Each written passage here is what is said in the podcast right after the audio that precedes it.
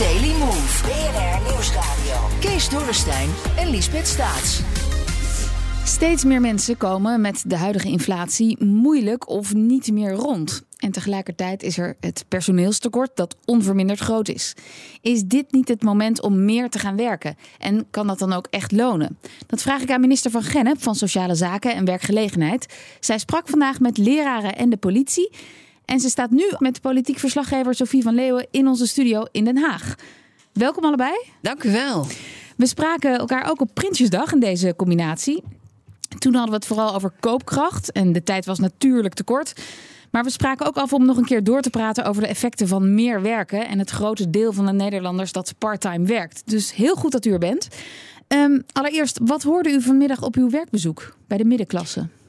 Um, nou, het, het, was eigenlijk heel interessant. Het was op een, uh, op een lagere school. Dus er waren een aantal onderwijzers, onderwijzeressen, uh, politieagenten, iemand die bij de gemeente werkte. Dus best wel een verschillende groep mensen, maar allemaal middeninkomens. Ja. En uh, wat we daar eigenlijk hoorden is dat iedereen echt worstelt met hoe kom ik rond? Um, hoe zorg ik dat ik een beetje kan besparen in mijn dagelijks leven? En dat zijn dus de middeninkomens die dat nu ook gaan voelen die soms de keuze maken: leg ik dit wel of niet in mijn boodschappenmandje? Um, ik koop wel nieuwe gimpen voor mijn zoon, maar voor mezelf nog even niet. Um, hoe gaat straks uh, Sinterklaas en kerst eruit zien? Kan ik het nog gezellig maken? Dat waarschijnlijk wel. Worden het hele grote cadeaus dat wat minder dit jaar? En in hoeverre, dus dat zie je echt. In hoeverre schrok u daarvan? Nou, dit, dit hoor ik natuurlijk al, al een tijdje. Dat is ook een van de redenen dat we zo'n groot koopkrachtpakket uh, hebben ingezet. En vooral dat we dat prijsplafond hebben ingezet. Want wat je wilt is dat mensen ook wat zekerheid krijgen. En dan is het leven misschien wat duurder, maar dan weet je wel hoe duur die energierekening gaat zijn. Hm. En niet dat je elke maand, als je die envelop of die mail, in mijn geval een mail open doet, dat je gewoon een hoedje schrikt. Ja. En uh, het kabinet trekt inderdaad miljarden uit voor die koopkracht. Um, en wat is, uw, wat is uw indruk? Kunnen mensen, na vanmiddag ook, hè, kunnen mensen ook iets zelf doen door bijvoorbeeld meer uren te gaan werken? Ja, er waren uh, twee uh, dames daar die ze allebei zeiden: Ik wil eigenlijk meer uren gaan werken. Eén was dat al gaan doen en de ander was het aan het overwegen. Omdat ze gewoon zeiden: Dan kan ik de rekeningen beter betalen. Ja, en het, dat mes zou dan aan twee kanten moeten snijden. Zeker. Meer, meer inkomen in tijden van inflatie en meer handen en hersenen op de arbeidsmarkt. Um, is dat dan ook het geval? Ja, en dat is dus het positief bijeffect hè, van deze koopkrachtcrisis, van deze hoge inflatie.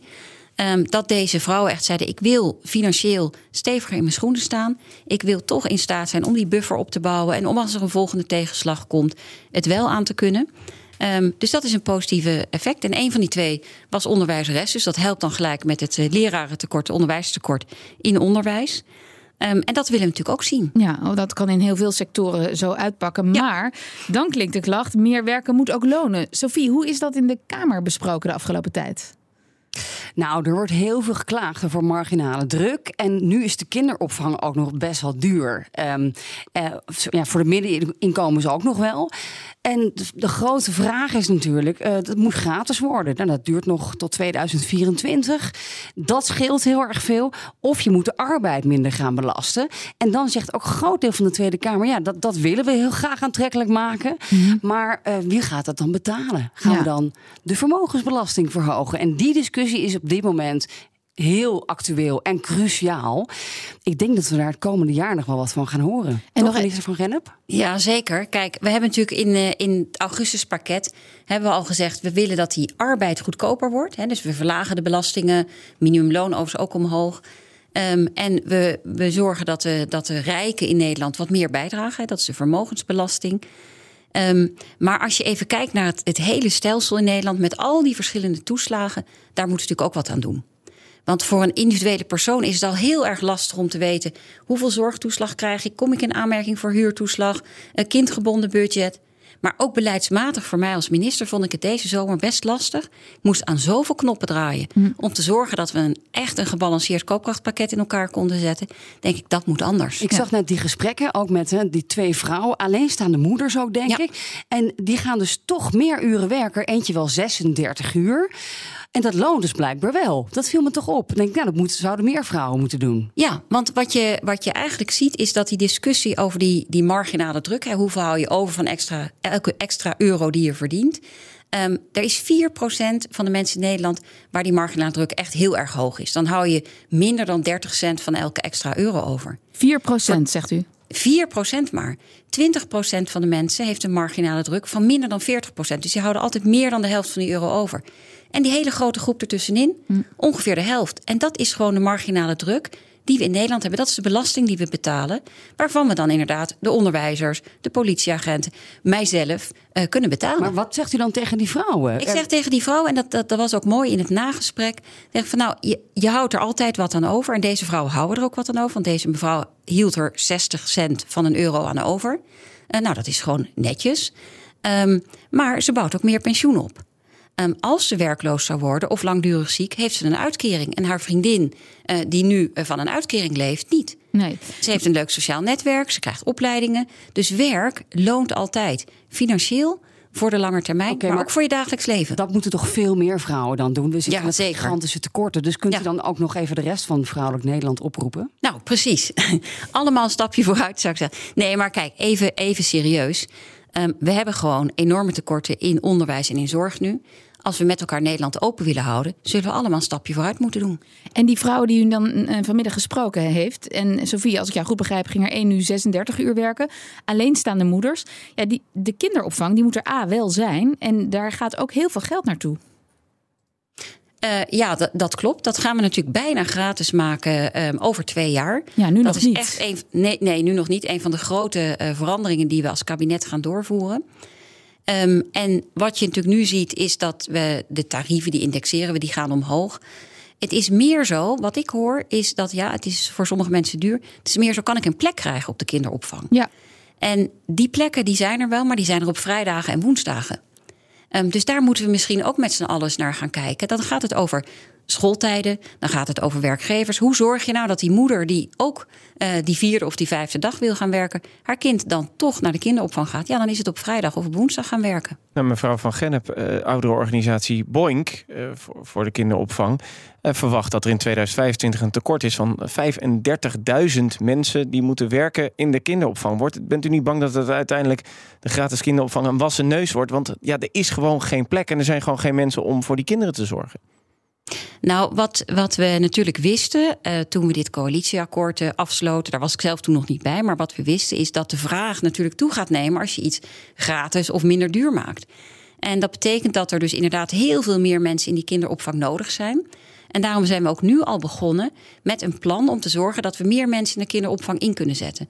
Ongeveer een kwart van de medewerkers in de kinderopvang wil meer uren werken. Vandaar mijn oproep vrijdagen en woensdagen.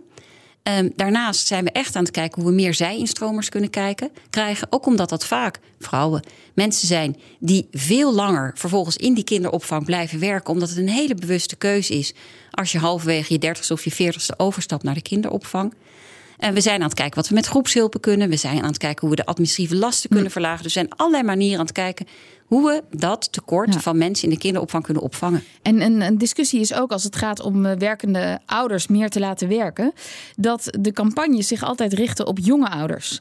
En dat er misschien ja. meer winst te halen is bij mensen die al grotere kinderen hebben, omdat dan die opvang niet zo'n hobbel hoeft te zijn.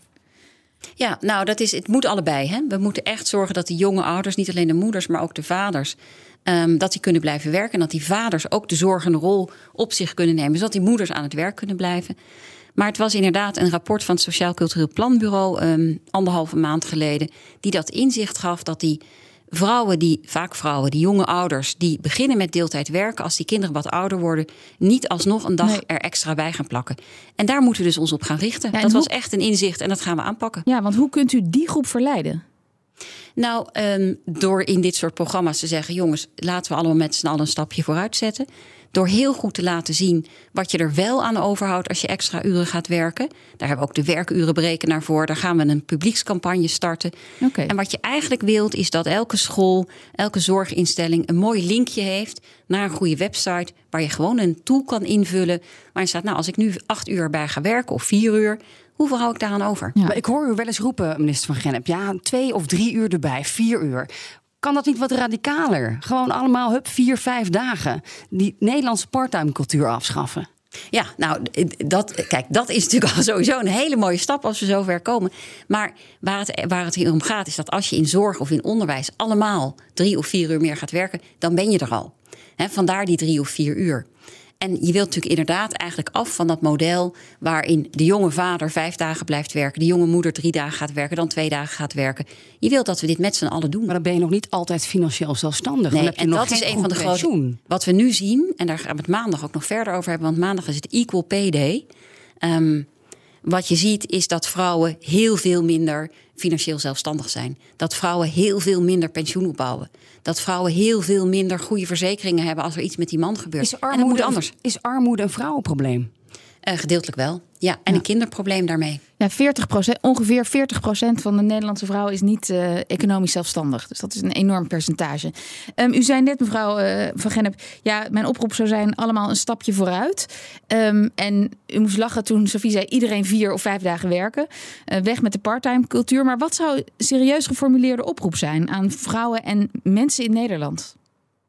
Nou, de, ik denk dat de oproep is: ik wil graag begrijpen waar die parttime cultuur vandaan komt. Hoe komt het dat meisjes die afstuderen al voor een parttime leven kiezen? Al zeggen van ik ga geen vijf dagen werken, maar vier of drie.